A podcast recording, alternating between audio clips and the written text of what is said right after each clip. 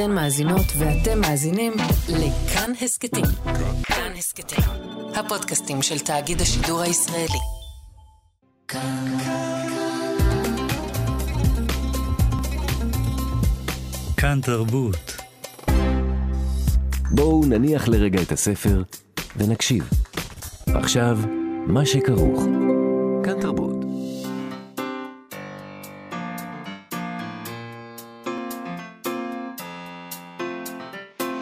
מה שכרוך. עם יובל אביבי ומה יעשה לה. שלום, צהריים טובים, אנחנו מה שכרוך, מגזין הספרות היומי של כאן תרבות. בכל יום אנחנו כאן ב-12 בצהריים בשידור חי. אתם מאזינים לנו ב-104.9 או ב-105.3 FM, אפשר להאזין לנו גם כהסכת, באתר, באפליקציה של כאן ובכל יישומוני ההסכתים. על ההפקה איתי אשת, על הביצוע הטכני היום גיא בן וייס. שלום לכם, שלום יובל אביבי. שלום מאיה סלע. משוררים שיכורים, זה שילוב שאנחנו מחבבים. אירוע כזה של שירה שיכורה עתיד להתרחש השבוע. אנחנו נדבר היום עם שום סכנה מנלה ולריסה מילר שמשתתפים באירוע, הם יקראו לנו שירים שאולי הם שיכורים, והם יסבירו לנו מה, מה, מה פשר החיבור הזה, שירים משוררים שיכורים. אה, נדבר גם עם פרופסור חיים וייס, הוא מאורחי האסופה כל הפתאום הזה, מסות מימי מלחמה. היא יוצאת בשיתוף פעולה של מערכת אה, פנס מאוניברסיטת בן גוריון עם uh, הוצאת אפרסמון. בפתח הדבר שלה נכתב שהם ביקשו להתרחק מהשפה היומיומית של החדשות, של הניתוחים הצבאיים והפוליטיים, ממילים שאין בכוחן להציע פשר או נחמה. תחת זאת הם אומרים, ביקשנו לשוב אל הספרות. ולהתבונן דרכה על קרעי המציאות הנוראה שכולנו מצויים בה. אנחנו נדבר עם פרופסור חיים וייס גם בכלל על הסופה הזאת וגם על uh, הספרות שהוא בחר בה. כדי להתבונן על המציאות, וגם נדבר עם דוקטור יותם פופליקר, שהוא קרא את המציאות דרך אה, אורלי קסטלבלום. והוא קרא מח... קריאה מחודשת בטקסט שלה לנוכח האירועים. נכון, אבל אנחנו מתחילים עם מיצב שהקימו בספרייה הלאומית בירושלים. מדובר בפרויקט בשם לכל חטוף יש סיפור משלו, לכל חטופה יש סיפור משלה. בפרויקט הזה הוצבו בספרייה הלאומית עשרות של כיסאות ועליהם תמונות של החטופים, על כל כיסא יש ספר שמנסה לייצג בצורה המדויקת ביותר את האדם שבתמונה ואת הסיפור שלו. בתוך כל אחד מהספרים מוכן לכל אחד ואחת כרטיס קורא אישי, אה, ובכל הכרטיסים אותו מועד החזרה. עכשיו. אה, את המיצב מספרת לנו לימור גלבל האישה, עצרה דורית גני, ספרנית ייעוץ והדרכה של הספרייה הלאומית. אה, אז בואו ניתן קצת מהספרים שהתאימה לאנשים שנמצאים עכשיו חטופים בעזה. היא מספרת שם שהספר הראשון שהיא בחרה, בחרה לכיסא של חיים פרי מקיבוץ ניר עוז, היה ספר ילדים שהוא הקריא לנכדה שלו, סיפורי התנ"ך בחרוזים של אפרים אה, סידון. יש וידאו כזה שהעלו אה, עם הדבר הזה שהוא מקריא לנכדה. אבל אחר כך היא גילתה שחיים פרי היה, אה, הקים גלריה לאומנות בקיבוץ, אז היא החליפה את הספר בספר האומנות, החצר הקיבוצית של מיכאל קובנר, שמציג ציורים של הנוף הקיבוצי. לתינוק כפיר ביבס, שנחטף מניר עוז עם אמו שירי ואחיו אריאל בן הארבע, נבחר הספר "איה פלוטו" של לאה גולדברג. הספר שנבחר לכיסא של כרמל גתי, מרפאה בעיסוק, שנחטפה מקיבוץ בארי, זה חיים עם ספרים של מיכל יפת. הדודה שלה, סיגלית סלמינס מבית חשמונאי, סיפרה עליה שהיא קוראת כל הזמן. היא אוהבת כל מה שקשור למילה הכתובה ולשפה העברית, היא אמרה, והיא שואלת גם ספרים בספרייה וגם ספרים דיגיטליים. אי אפשר למצוא אותה בלי ספר ברקע, הטעם שלה מגוון מאוד. היא קוראת המון uh, סוגי ספרים, והשפה שלה, השירה, זה חלק מהותי מהחיים שלה. כל עניין השפה חשוב לה. היא למדה ערבית בתקופה שבה uh, אבא שלי, באבא שלי, זיכרונו לברכה, טיפל עובד זר, היא לקחה על עצמה ללמד אותו עברית, כדי שיהיה לו יותר קל להשתלב בישראל. נכון. לדרור קפלון, שנחטף מקיבוץ בארי, בחרו בני המשפחה שלו את הספר 100 שנים של בדידות של גבריאל גרסיה מרקס. קפלון היה מנהל קהילה בקיבוצים, והם אומרים שהוא אהב את מרקס במיוחד. הבן שלו, נועם, סיפר, אבא שלי נוהג להחליף ספרים בספרייה של הקיבוץ, וכשהוא היה נתקל בספר שהוא אהב במיוחד, הוא גם היה קונה עותק לעצמו, לי ולאחיות שלי. הוא נהג לקרוא ספרים שאהב יותר מפעם אחת וקרא כמות עצומה של ספרים. בשנים האחרונות, לאחר שעבר פריצת דיסק, היה לו קשה לשבת והוא עבר לקרוא בעמידה מול השיש. לקראת יום הולדתו, ביולי, ביקש קפלון מילדיו את הספר קורס בניסים. הם לא, הצליחו, אה, הם לא הצליחו למצוא עותק מהספר הזה, ואחרי שהם יצרו את הקשר עם הספרייה הלאומית, נשלח אליהם הספר, והוא עכשיו מחכה, הספר מחכה לדרור קפלון שישוב מהשבי. לשגיא דקל חן מניר עוז, שהוא אה, איש בעל ידי זהב שבנה צעצועים. לילדיו, הונח על הכיסא הספר אבא בונה עוגה של יד שוהם. לטל חיים מקיבוץ ניר יצחק, שסיפרו עליו שהוא איש משפחה מדהים, ושהוא מחובר לילדים שלו, נבחר הספר "הלו הלו אבא" של חנה הורן. זיו וגלי ברמן, תאומים בני 26 שנחטפו מכפר עזה, הם אוהבים לשחק יחד כדורגל ולצפות במשחקים. לשניהם נבחר הספר "אלופים", שבו דמויות של 22 ספורטאים מהארץ ומהעולם אמ, על כיסאו של אה, סשה טרופנוב, מהנדס, מהנדס בן 27 בחברת אמזון, שחבריו לעבודה סיפרו עליו כיצד בכל יום בשלוש היה קורא לכולם לעצור הכל ולשתות איתו קפה, הונח הספר "קפה הוא גם השקפת עולם". יש עכשיו גם... אין אני... על קפה.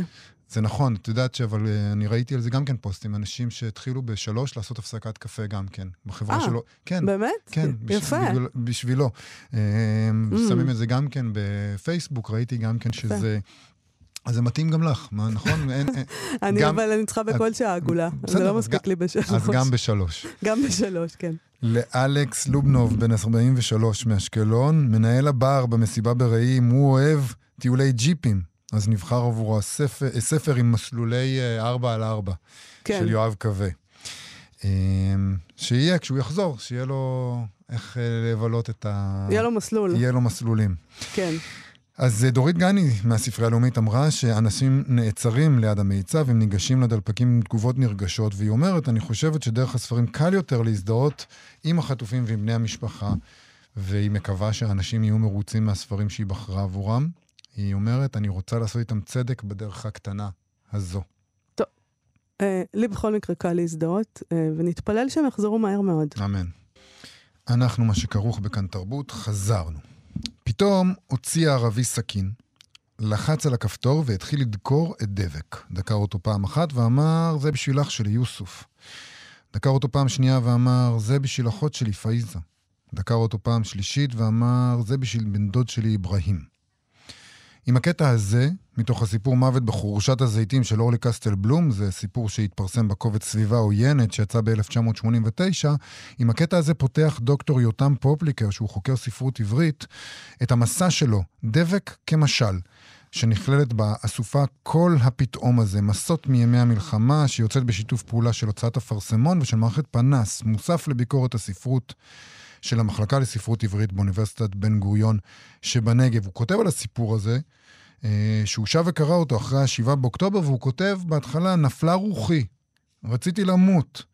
איך להביע את תחושת המחנק שאחזה בי. זה נורא אה, מצא חן בעיניי שהוא כותב במסע, הוא דוקטור, אה, חוקר ספרות רציתי עברית, למות. רציתי למות. איך ידעת שזה מה שמצא חן בעיניי? זה...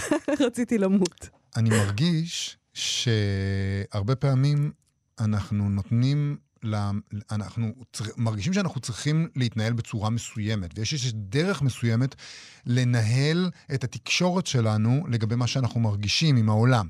ואחרי ה-7 באוקטובר זה התמוטט. כל, כל מיני תופעות... אתה יכול להגיד רציתי למות. כן, אתה יכול להגיד רציתי למות.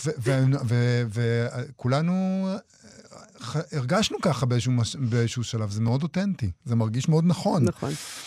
אה, לצידו יש באסופה הזו טקסטים של אה, שמעון הדף, אה, של תמר סתר, יגאל שוורץ, לאה עיני, יעקב צדיק מאיר ועוד, וגם יש שם טקסט של אחד מאורחי האסופה, פרופסור חיים וייס, שהוא מדבר בו על קטע מהיינו העתיד של יען נאמן, הוא חוזר בעזרת הקטע הזה לכמיהה שלו להיות קיבוצניק. נכון.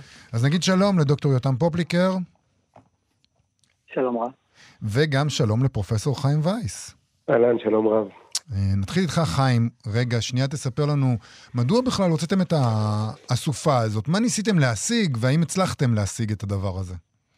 קודם כל ניסינו להשיג בדיוק את מה שיותם כתב, שמישהו, שנוכל להגיד אה, בא לי למות. כן. אה, זאת אומרת, ההנחה הייתה שאי אפשר להוציא עוד גיליון של מוסף ביקורת, כאילו העולם, כאילו לא קרה כלום. העולם הרי התהפך על ראשו, העולם נפל עלינו. ואין טעם לכתוב, להוציא מוסף ביקורת בכלל ברגע הזה. אז נכתוב שהספר הוא טוב או לא טוב, מעניין, לא מעניין, זה לא מעניין אף אחד כרגע. ומצד שני יש את עולם החדשות שהוא מציף ומתיש את כולנו. אולפנים גדושי מלל, שלפחות לי לא עוזרים בשום דבר. ומצד שלישי, קשה מאוד לקרוא ספרות רגילה. זאת אומרת, לקחת ספר שלם ולקרוא אותו מהחל ועד כלב, ואני חושב שזה גם עולה מהרבה מן המסות כאן. אה, וחשבנו שצריך לתת איזה מקום שבו אנשים יוכלו להתבונן בשקט, במשפטים ארוכים, לא על פרטי המציאות, אלא על עומקה של המציאות הזאת. ואת זה אנשים כמונו, שאין בהם הרבה תועלת בימים האלה, צריך לומר, יודעים לעשות בעזרת טקסטים. זה דווקא מאוד מועיל לנו, אני חייבת להגיד. יש בזה הרבה תועלת, חיים. אני רוצה לשאול על השם, אני... כל הפתאום הזה, שזה בעצם אה, ציטוט משיר, נכון? נכון, כן. אז בוא תספר למאזינים שלנו, שלא ראו את פנס. היה...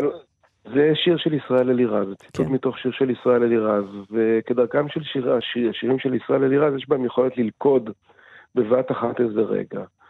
וכל הפתאום הזה של העולם שנקרא לשתיים, אם תסתכלו, לשניים, אם תסתכלו על השיר עצמו, אז שהוא מופיע כמוטו כמובן באסופה, אז באמת התחושה הייתה שזה כל הפתאום הזה.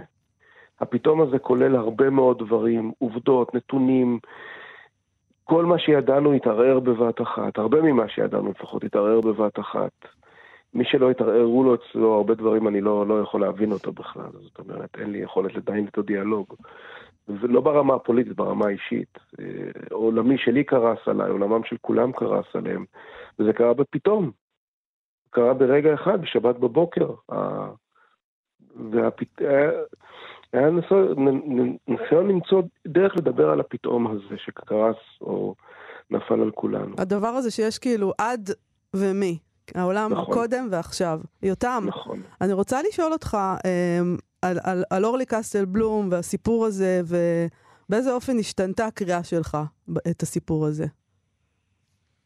אה, אז אה, העניין הוא שאת קסטל בלום, אני לא, כלומר, מן הסתם הכרתי את קסטל בלום וקראתי את דולי סיטי וכל מיני, אבל לא, לא קראתי אותה לעומק ולרוחב. Mm. ובאותה תקופה בדיוק לפרויקט אחר התחלתי לכתוב אותה, לקרוא אותה, אה, ולכתוב אותה מסתבר, כן. בצורה מעמיקה יותר. אה, ומה שקרה פשוט עם ה... ובמקרה לקחתי את הקובץ הסיפורים השני, שבמקרה קוראים לו סביבה עוינת, ונתקלתי לא קראת אותו קודם הזה. בעצם. קראתי אותו קודם, ואז הגיע, ואז קרה מה שקרה, mm. ואז חזרתי אליו. כי הייתי בקריאת המשך. העניין פה המעניין זה שדבק, שמתואר פה איך הם אה, הורגים אותו, אה, אה, הוא, הוא דמות פלילית. כלומר, יש להם עסקה פלילית שנעשית ביניהם. הוא יהודי עבריין, והם ערבים עבריינים, וזה כאילו משהו עברייני שם, כאילו לא, כאילו לא אה, פלילי, כאילו לא לאומני, שאנחנו תמיד אוהבים להפריד. נכון, עכשיו, זה חלק ממה שגם, אה, כן, שין כהן קורא את הסיפור הזה, אורי שין כהן, והוא מדבר על ה... כן, שזה... על ההומור שבסיפור, כי דווקא כל ה... כל הבלבולים האלה של הפלילי ו- וכל הדיון הזה בדבק ואני אדביק אותה, וכל, הם נורא הומוריסטים לכאורה, אבל, אבל במובן מסוים כל הדבר, הרבה מהדברים האלה פשוט נעלמו לחלוטין אחרי מה שקרה. כלומר, עבורי לפחות בעת הקריאה, Mm. משהו השתנה. היה לי בראש רק את כל מה שזכרתי, ואז לפני שחזרתי לסיפור, זה לא היה דבק בכלל, זה רק ה, ה, כמה שורות האלה, חמש שורות אני חושב, אה, מספר שווה של מילים בכל שורה, ופשוט זה היה כמו דקירות בתוך הלב, והיה משהו, ב, ב, משם התחיל הכל. שם התחיל איזה משהו ש, שהוביל אותי לחשוב שבא לי למות. כן. וזה מה שהוביל לכל כן. המסע בהמשך, וכמובן אה, הבקשה ממערכת פנס וחיים. אבל אתה אומר דבק כמשל. משל למה? אז, מש, אז משל, זאת שאלה טובה, אבל אני חושב שבעת הזאת המשל אה, זה משל פשוט ל... ל שאנחנו דבוקים אלה, ל, ל, אנחנו והפלסטינים, ואם נרצה ואם לא, ואני... אה, ו, והתחושה הזאת, אני חושב, וממש דבוק, דבוקים כתובת קעקע, זה על אורו של זה. ממש, הלכה למעשה. זה, אה, וזאת התחושה הכבדה שנשארתי איתה. כלומר, לא עכשיו אה, איזה צד צודק, ולא מי מנצח, ולא כולנו ביחד, אלא איזושהי תחושה שאנחנו, זה לא ירפה. כלומר, שום דבר מהדבר הזה לא מרפה, הוא כתוב על אורנו. וגם, אתה מציין שם שהספר הזה יצא ב-1989, ושהיא בוודאי כתבה את הסיפור הזה, אולי לא באופן במישרין, אבל כשמהדהדת את האינתיפאדה הראשונה. ובעצם, בעצם אנחנו קוראים את הדבר הזה אחרת לגמרי, למרות שלכאורה האירועים האלה, האלימים, הם, הם מין תהליך שממשיך את עצמו. אנחנו, אתה אומר, אנחנו דבק. אנחנו כל השנים האלה, אה, זה לא נפרד הרי הדברים האלה של אה, תחושת האיום באינתיפאדה, תחושת האיום עכשיו, זה לא איזה דבר שהוא מנותק אחד מהשני, ובכל זאת, זה שני דברים שונים לחלוטין. אני חושב שכמו שחיים אמר, זה באמת אירוע אחר. זה כל הפתאום הזה. בניגוד לסבבים שהתרגלנו, היה משהו פתאומי בכל מיני רמות. אמ, ולכן כן, אני לא יכול לקרוא סיפור גם אם הוא נכתב בתקופת האינתיפאדה וקורה מה שקורה, וכלומר אי אפשר להתעלם מכל הפתאום הזה, והוא כמובן נכנס אל תוך המציאות, נכנסת, אה, נכנסת כמובן לתוך, ה, לתוך הקריאה בסיפור, גם אם הוא נכתב בהקשר אחר, זה לא יכול להיעלם. חיים וייס, אני רוצה לשאול אותך כן. על הטקסט שלך. Uh, אתה כותב, קורא היום את יעל נאמן, את uh, היינו העתיד. Uh, אתה מביא את הציטוט משם, את הסיפור שלנו, סיפרנו לעצמנו כל הזמן, בכפייתיות, בעל פה. לפעמים התעייפנו עוד לפני שהתחלנו, ובכל זאת סיפרנו במשך שעות. הקשבנו רוב קשב אחד לשני, כי בכל ערב שבו סופר הסיפור, התחברו לנו פרטים חדשים, גם שנים רבות אחרי שכבר לא היינו שם. סיפרנו אחד לשני סיפורים, שבינם לבין המציאות לא היה דבר. ואתה כותב על הרצון שלך, אתה מספר על הרצון הזה שלך כילד, להיות קיבוצניק. כן, אני מאוד רציתי להיות קיבוצניק. זה היה דחף כמעט ב... ב... לא ניתן לכיבוש. אני חשבתי כי בניגוד לקיבוצניקים שבאמת גדלו בקיבוצים, וכמובן אני גם כותב את זה, יש להם מבט שהוא גם אירוני וגם מפוקח על החברה המורכבת הזאת של חיי קיבוץ. אני את כל מה שידעתי אני בניתי מסיפורים. המציאות שלי הייתה בנויה מסיפורים, מקטעי סרטים, מעמוד האש, מכל מיני דברים, וזה היה נראה לי ארץ פלאות. אני גם לא הייתי שם עד... לא נכנסתי לקיבוץ עד גיל יחסית מבוגר, אין לנו קרובי משפחה או חברים בקיבוצים. וזה היה נראה לי שאם אני אהיה שם זה מין לעבור לצד אחר של הקיום, והכל הכל יהיה יפה וטוב. אני אהיה יפה וטוב, אני אהיה מוקף באנשים יפים וטובים. ו... בתור ילד שחי בתוך, הרבה יותר בדמיון מאשר במציאות, אה, זה היה מאוד מאוד חזק. המקום, הרצון להגיע למקום הזה, שהיה גם כן מקום לא קיים וגם כן מאוד מוחשי עבורי, היה רצון מאוד מאוד חזק. אני עד היום מאוד אוהב קיבוצים. ואתה קראת אחרת עכשיו את יעל נאמן ממה שקראת אותה קודם? כן, אני, תראי, כשהטלנו את ה... הרי הטלנו משימה על הכותבים, ביקשנו מהם שיבחרו יצירה, ספר, שיר, סיפור, אני לא יודע, משהו שדרכו הם רוצים להתבונן על המציאות. זאת אומרת, לא רצינו שיכתבו רק מסות על המציאות, אלא שיהיה טקסט שיתווך את הדבר הזה. והסתכלתי על המדפים, והיד שלי כמו נשלחה מאליה ל"היינו העתיד", שזה באמת ספר שאני מאוד מאוד מאוד אוהב. ואני גם... תמיד היה שם געגוע, עכשיו היה שם גם כאב עצום כאב עצום, כי אתה לא יכול לקרוא את הסיפור הזה בלי לראות את התמונות של בארי ונירים ונחל עוז. התמונות הללו הפכו למייצגות של הדבר הזה. ואני מסתכל, אני קורא את הספר הזה, ונקרע לי הלב. וקיבוץ רואה... הוא גם מין מוסד כזה שחבטנו בו, חבטו בו בשנים האחרונות אה, מכל כיוון. גם נכון. יוצאיו ובניו וגם מכיוונים אחרים, ופתאום אה, כשקרה מה שקרה... הרבה, הרבה אנשים שחבטו במוסד הזה צריכים להכות על חטא, אבל זה כבר עניין אחר. כן. יש לזה גם אה, הסברים פוליטיים מאוד ברורים. אה, כשאתה, כשאתה מתבונן היום על חברי הקיבוצים, על האצילות האינסופית שבה הם מנהלים את ענייניהם כרגע, על הערבות הקהילתית האדירה שלהם, אני נמלא הערצה, זאת אומרת, הדבר הזה הטרגדיה העצומה שפקדה אותם, ואני חושב שאנחנו חוזרים לשורשם של דברים, סליחה שאני קצת אה, רומנטי וכל מיני דברים כאלה, אבל אנחנו חוזרים לשורשם של דברים, ואנחנו רואים באיזה בני אדם אנחנו, עם איזה בני אדם אנחנו מתעסקים, זה קהילות מופלאות ממש. אבל מצד שני, אתה, הטקסט שלך אומר, הדמיון שלי, הדימוי שלי של מה זה להיות קיבוצניק, לא היה נכון. זה לא... לא, ברור. זה לא היה נכון, והוא עכשיו עוד פחות נכון אחרי השבעה באוקטובר, של תראה. לא הבנו כלום.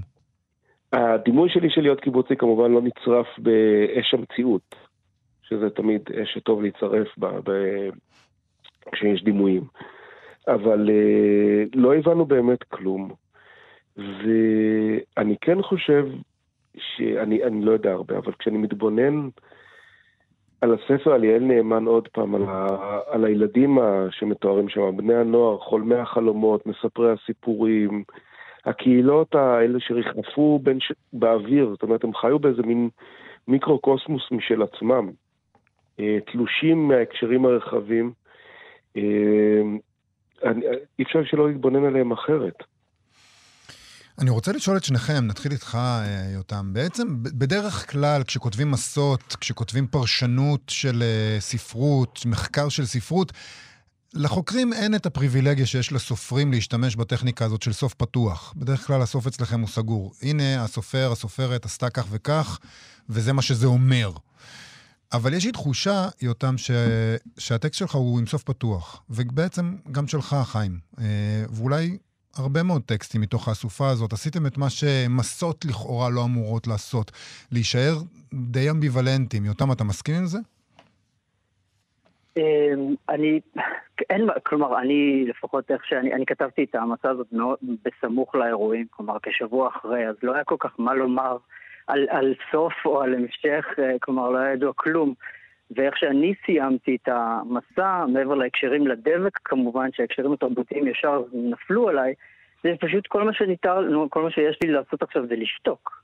אני לא יכול לדבר, אני לא יכול להגיד כלום. אז אתה רוצה לקרוא לזה סוף אה, פתוח? יכול להיות, אבל זה בעיקר שתיקה. אולי שתיקה זה סוף אה, סגור מאוד בעצם, עכשיו כשאתה אומר את זה.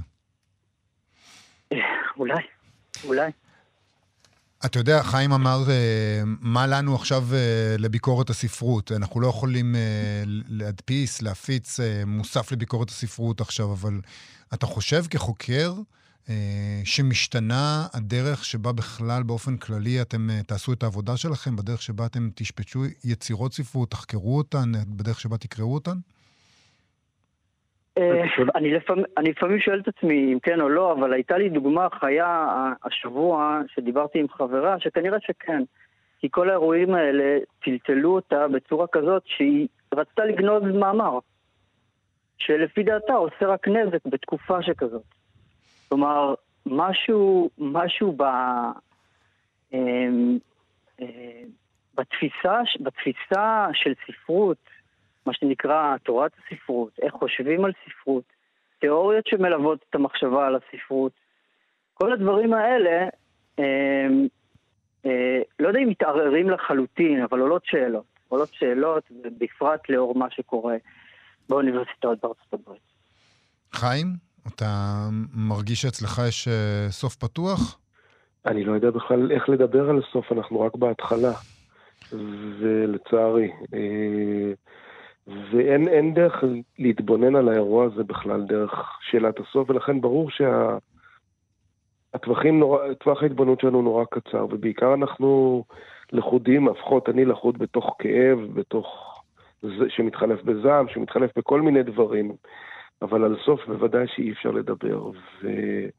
בהקשר לשאלה השנייה, אני מצטרף מאוד לדברים של יותם, אני חושב שא', אה, אנחנו נצטרך, אני, אני חושב שאנחנו משתנים כבני אדם אה, בימים הללו, אה, וזה בוודאי ישפיע כי בני אדם כותבים את המחקרים.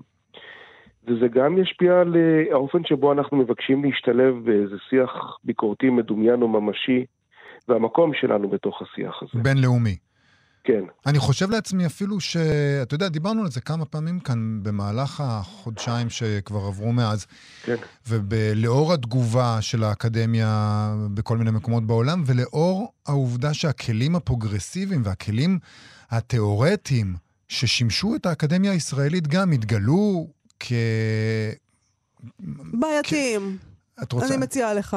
בוגדניים. אוקיי. בוגדניים ממש. בסדר. הכלים הביקורתיים שאנחנו חשבנו שהם שלנו, הכלים האלה של, אה, של, אה, של מרקסיזם ושל אה, פוסט-מודרניזם, נקרא לזה ב- ב- ב- בגסות, וכל תיאוריית הזהויות הם כלים שהתגלו כ- כפוצעים מאוד עבורנו. כן ולא. זאת אומרת, אי אפשר לש- לשלול את כל מה שהכלים הללו עשו לאורך כל השנים ה...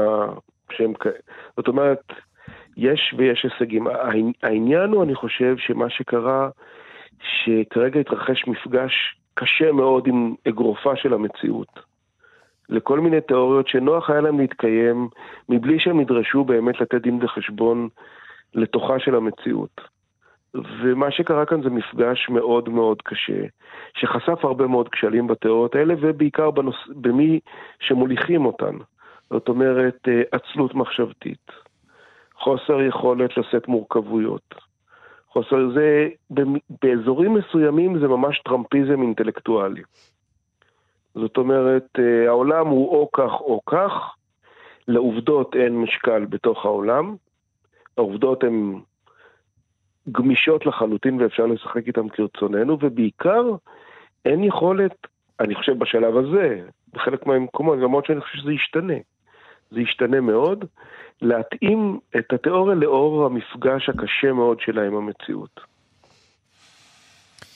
אה, ואנחנו נראה שינויים, אני חושב, שינויים, וכן, אנחנו אה, נחשף, נחשפנו לצד האפל של התיאוריה. בוא נגיד את זה ככה.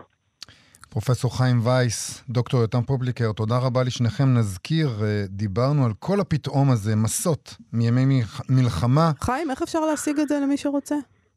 פשוט להיכנס לאתר של הוצאת אפרסמון הנהדרת, וזו הזדמנות, תרשו לי להודות ליואב רייס וליורי מירון, המו"לים הנהדרים של הוצאת אפרסמון שנרתמו, עשו הכל בהתנדבות ובחינם, הספר נמצא באתר של הוצאת אפרסמון, הוא בחינם, פשוט תיכנסו ותורידו. כל הפתאום הזה, מסות מימי מלחמה. תודה לשניכם. תודה רבה רבה. תודה. להתראות. אנחנו מה שכרוך בכאן תרבות. אנחנו, אה, יובל, די אוהבים משוררים. אני לא. יודעת, משוררים או שירה? משוררים זה טיפוסים בעייתיים, בוא נודה בסדר, אבל בזה. הם מביאים את השירה. כן, אבל אפשר לקחת את השירה ולהעיף את המשורר. אני לא יודע, יודעת. בחודשיים האחרונים הם עשו עבורנו שירות גדול. נכון, נכון. אוקיי, אז בוא נגיד שאנחנו אוהבים משוררים. עם כוכבית. ניתן. להם אה, עוד איזה ליהנות 100 מהספק. ימי אה, חסד ניתן להם. אנחנו אוהבים שיכורים גם, בצורה מתונה. ועקבי. אבל- אה, ואת החיבור בין שני אלו הוא חיבור די מוצלח. ביום חמישי הקרוב בירושלים מתקיים ערב משוררים שיכורים. אני לא יודעת מה זה אומר, אז ביקשנו לדבר עם שניים שיסבירו לנו. המשורר שוהם סכנה מנלה והמשוררת לריסה מילר. שלום לכם. לא ידעתי לדבר קודם, כן. שלום שלום. שוהם, כפרה. יואו, כיף. איזה כיף. למה דווקא עכשיו משוררים שיכורים? זה נראה לך זמן מתאים למשוררים שיכורים? אה, כן. תסביר, הסבר. אה, כן, לא, אני חושב שכל כל האמניות והאמנים אה, בישראל מתמודדות עכשיו עם איזושהי תחושה של כאילו זה לא הזמן בדיוק לאומנות, או ל- לשמוח, או ל... you know, whatever. כן. אה, מצד שני, ברור שזה הזמן לאומנות, כאילו ברור שכולנו צמאות לזה, רוצות לשמוע שירה, רוצות להופיע, רוצות לשמוע מוזיקה. אה, אם אפשר לשמוח קצת, או הרבה, בתוך הסיטואציה הזאת, אני חושב שזה מאוד מאוד חשוב לעשות את זה, ולעזור לאנשים אחרים לעשות את זה. אבל דווקא, דווקא העניין הזה של, זה היה נראה כאילו חשוב להיות, אה, שהמילה הזאת, שיכורים, תהיה בכותרת. כן, כן. אתה, אה, אתה, עכשיו אתה נאלץ להתמודד עם העובדה שבחרתם בזה. אה, תראה, זה, זה, ערב, זה ערב שירה שבעצם אה, אני מנחה אותו כבר שמונה שנים בירושלים. אה, הרבה, הרבה מאוד זמן לא היה, כבר הרבה חודשים לא היה. אה, בהתחלה הפורמט היה מאוד קשיח, היה שני סבבים, סבב ראשון כולם עולים סאחים, בין הסבבים כולם משתכרים, משתכרים, משתכרים, עולים כאילו שיכורים. אוקיי. עכשיו, ת, תכלס זה התרופף, אה, הרבה מהמשוררות, מהמשוררים, כאילו לא שותים בכלל אלכוהול, חלק, כאילו, אה, בסדר, חלק לא משנה. בגמילה, אוקיי. לא, גם- כן, בדיוק, בדיוק. גם עכשיו אה, יש תגובות קיצון. אני למשל אה, הפסקתי לחלוטין לשתות אלכוהול, כמעט לחלוטין לשתות אלכוהול. לעומת זאת, אני שומע מהרבה מאוד אנשים שהם אה, הגבירו דרמטית את צריכת החומרים ממסכי כן. התודעה שלהם. אז... כן. אז זה מאוד מאוד מסובך אה, לעשות עכשיו את הבחירה הזאת. לאריסה, את מתחברת לעניין הזה? של אלכוהול אה, לשם הקראת שירה? אמ, האמת שבאמת הייתה לי גם בתחילת המלחמה, הייתה לי איזו תקופה שפתאום כאילו התחלתי לשתות יין וזה, זה... אה, כאילו, והבנתי באמת מאנשים שגם היה קצת יותר כזה קטע של לשתות יותר. אמ, לא, כאילו, לא יודעת אם בהכרח אה, שירה וזה ביחד, אבל אה, אני, באופן כללי אני בעד. לריסה, האם, האם מדובר, ב, נגיד, את תקראי שירים חדשים שכתבת, נגיד, בחודשיים האחרונים, או לאו דווקא? אה, זהו, אפילו גם כשחשבתי איזה שיר אני אקרא היום, אז התלבטתי כזה, כי בהתחלה חשבתי באמת לקרוא משהו שכתבתי ב... בתקופה האחרונה, אבל uh, יש לי כל כך הרבה התלבטויות לגבי זה, כי אני לא... אני ממש מרגישה שאני כאילו לומדת, ל... ל... שאני מנסה לכתוב מחדש. כאילו, אני אף פעם לא כתבתי. כי לא יודעת, שבדרך חדשה, או, או כאילו אני צריכה למצוא איזה מילים חדשות, ומשהו ממש שונה, אז, אז אני כזה לא סגורה לגבי השירים החדשים, ואני לא יודעת עדיין איך אני מרגישה לגביהם, אבל um, עברתי כזה על שירים שבאמת כתבתי uh, תקופה, כאילו קצת לפני... Uh, אז מה, לפני מה תקראי אוקטובר, לנו עכשיו? ו- ואז ראיתי שבאמת כל מיני דברים, כאילו תמיד אומרים את זה עכשיו, ש- ש- שהשירים ו... אה, נקראים אחרת נכון. אחרי מה שקרה. אז, כן. אז באמת אה, זה, אני אקרא שני שירים ששניהם נכתבו תקופה קצרה אה, לפני אוקטובר, ואיכשהו הם מתחברים והם אז בואי נשמע. באמת נקראים קצת אחרת. אז השיר הראשון שאני אקרא קוראים לו זבובים.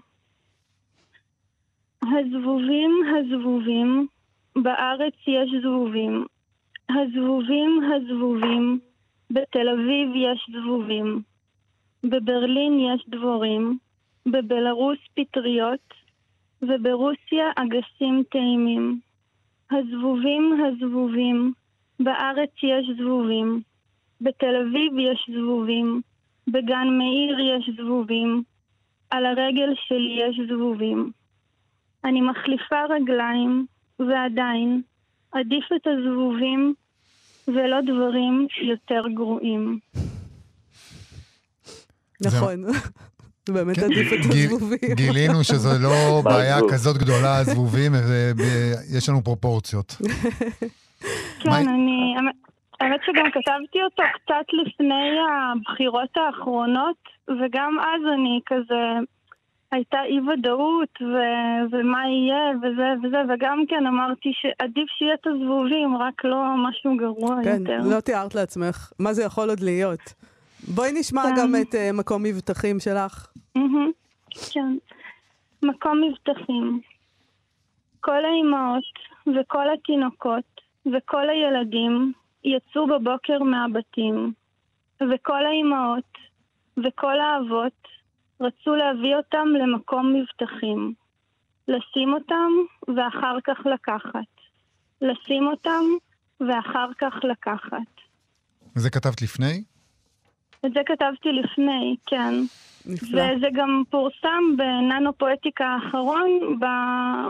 אה, בראש השנה, בחגים. ו...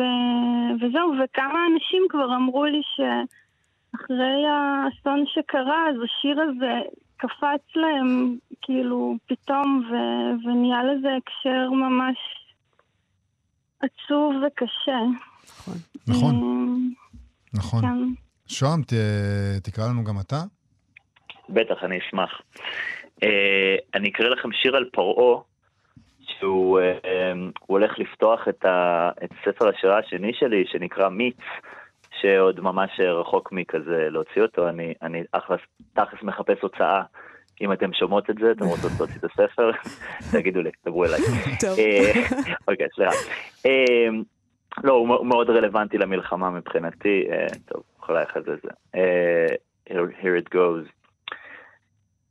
לפרעה הייתה אופר שצפתה בו מתאפר, בלילות היה מרפא נרפא וקם כאיש אחר. בשבילו היוותה מלאך, ילד עבד כי מלאך, אחר כך היו יחדיו שוטפים בבוקר אגוזים. את הלק היו מורחות בצבעים חדים עזים, מהוריו הסתירו וארזו הכל בארגזים. בשישי שמלות פורחות, בראשון צועד פרעה, בשבילו שמשה מלאך ובשבילים נחבא פריחך. כשמשה אמר לו פר, ג'ה הזכיר לו שם אופר, רק נשאר זכרו נמתק מותק לתוך כאב סוגר. לב גדול נהיה קשה, איש אישה שלא סוחר, וסוכר מתוק נסחר ברוק מותמר למר עוכר. לא שלחת יהודים, מדדה במדדים, לו גאים כעת הוריו עושים פרסה ומתאבדים. סוף מריר בתוך ים סוף, לקנה רצוץ שפוף, שהיה עדין חמוד, אהב לרקוד עם כל הגוף. זה נשמע מאוד מאוד קשה לקרוא את זה מדהים. כשאתה שיכור. זה נשמע נפלא. זה נשמע נפלא. אז בוא נגיד עוד פעם את הפרטים, כל הדבר הזה יקרה ביום חמישי. אה, בירושלים, נכון? והתשתפו שם הרבה משוררים, אלון רג'ואן ועופר טיסר ורומן אייזנברג. רו- רומן, דש מרומן אגב. כן, אה, רומן אייזנברג, אהוב ליבי. לריסה מילר פעם ראשונה, נעמה שחר. יש, האמת איזה, איזה 15 אנשים ברגע, בהקשר לשיחה שלנו קודם, ברגע שפרסמתי את האירוע, כל המשוררות שאני מכיר בערך התקשרו אליי, שלחו לי ידע, אנחנו רוצות להופיע, אנחנו רוצות, וזה אה, הולך להיות אירוע ארוך מדי, שיתחיל בעשר וחצי, מאוחר. לא, ארוך מדי, אנחנו הולכים אה, להשתכר ולהקריא שירים עד שמתות, כאילו, סליחה, אה, בבסרביה בירושלים. בבסרביה בירושלים, חינם. חמישי. שם סכנה מנלה. לריסה מילר, תודה רבה לכם. כפרות, תודה. תודה לכם. איזה ביי. ביי. תודה להתראות. רבה. אנחנו מה שכרוך בכאן תרבות. יש לנו לסיום סטטוס ספרותי של בית אריאלה וספריות תל אביב, אה, שמאוד נגע לליבי. הם מספידים פה את דוקטור דוב שידורסקי. בוא נקרא. השכנים ברחוב גורדון כבר התרגלו לאופרות שזולגות בכל שבת בשבע בבוקר מהדירה בקומה השלישית עד למטה. ועכשיו, שקט. שלשום נפרדנו מדוקטור דוב שידורסקי, היקה הכי ותיק בבן יהודה שטרסה, בואכה גורדון פינת רופין, איש אשכולות וחובב אופרות מושבע. זה האיש הממושקף, הגבוה, הצנום והצנוע שייסד את ספריית אוניברסיטת תל אביב, והיה ממקימי ארכיון צה"ל וגנזך המדינה. בר אוריין שייעד את חייו לחקר ספריות וספרים נכחדים בארץ ובעולם, ותיעד בספריו הידועים את שעלה בגורלם של ספרים יהודיים בתקופת השלטון הנאצי. שידורסקי שסירב להצעות מועמדות לפרס ישראל, פעל בגלוי ובחשאי להצלת שרידי ספריות והעברתן לישראל, וכמעט באותה חרדת קודש היה אוסף ספרים שננטשו על ספסלי רחוב ולוקח אותם לביתו, לשמור עליהם. והם שמרו עליו. כי גם בגיל 97 וחצי הוא עדיין קרא ללא לאות. פרוזה, מקור, ספרות מתורגמת, גרמנית, אנגלית, ספרות שואה ושירה גותית, ועיתונים ומאמרים ומחקרים, וגם את האותיות הקטנות המצורפות לכל תרופה שנטל. יכולת קוגניטיבית שעוררה השתאות וחיבה יתרה, וגם קוצר רוח אצל אנשי הצוות בגריאטרית של איכילוב, שמצאו את עצמם לא פעם דנים עם החולה הדקדקן, שהיה שולף את לקסיקון התרופות בלטינית ששמר מתחת לכרית, ומראה להם, הוא מסביר ומנמק, למה אין סיכוי שיבלע תרופה משככת כאבים שסותרת את העירוי לטיפול במחלת הריאות. בור סוד שלא איבד טיפה גם ממרומי גילו. זה נפלא, נפלא. זה נפלא. אבל הגוף כבר עייף מאוד מן המסע בין מאה השנים, כמעט הכל כאב. שבוע לפני לכתו מן העולם, שאל את בנו אורי, בציניות מרה, במה זכיתי? מה עשיתי שנגזר עליי לחיות עוד מלחמה בחיים האלה? אחר כך, כשאורי הציע לקחת אותו לכמה שעות הביתה, אולי ירצה לשבת קצת על הכורסה החומה, לשמוע אופרה, לקרוא, לראות טלוויזיה, הוא סירב בנחרצות. אני עזבתי את הבית וזהו זה, אני כבר לא אחזור, קבע. ואמר, אני רק מקווה שלא שכחת לגלגל את השטיחים. איש קפדן שארגן את חייו כפי שהיה מסדר את הספרייה העשירה שלו. דוב הותיר אחריו מורשת אדירה, חתיכת היסטוריה, סטודנטים שהשפיעה על דרכם ובאו להיפרד, משפחה חמה שעטפה אותו עד רגעיו האחרונים, בת זוג אוהבת, הכנרת חיה לבני, מחקר שלא הספיק להשלים, ואף לא צלחת אחת בכיור. הוא נטמן לצד אשתו רות ממייסדות ספריית בית אריאלה בתל אביב. אה, את ההספד הזה כתבה ורדה הורוביץ, אה, שהייתה בת זוג של בנו. יהי זכרו ברוך. יהי זכרו, זה- וואו, אה, איזה איש, נכון? א', איזה איש, ב', הספד מאוד מאוד יפה. כן. ובאמת, אין מילים, נאמר שם הכל. עם זה אנחנו אה, מסיימים את התוכנית להיום. נגיד תודה למפיק שלנו, איתי אשת, לגיא בן וייס, שהיה איתנו על הביצוע הטכני, ואנחנו מזמינים אתכן ואתכם כרגיל לבקר בעמוד הפייסבוק שלנו. מחר נהיה פה. אה, אנחנו אני- נהיה פה מחר, כן, בלי כן. נדר. בוודאות, כמעט. להתראות. אתן מאזינות ואתם מאזינים לכאן הסכתים. כאן הסכתים, הפודקאסטים של תאגיד השידור הישראלי. אתם מאזינים לכאן הסכתים, הפודקאסטים של תאגיד השידור הישראלי.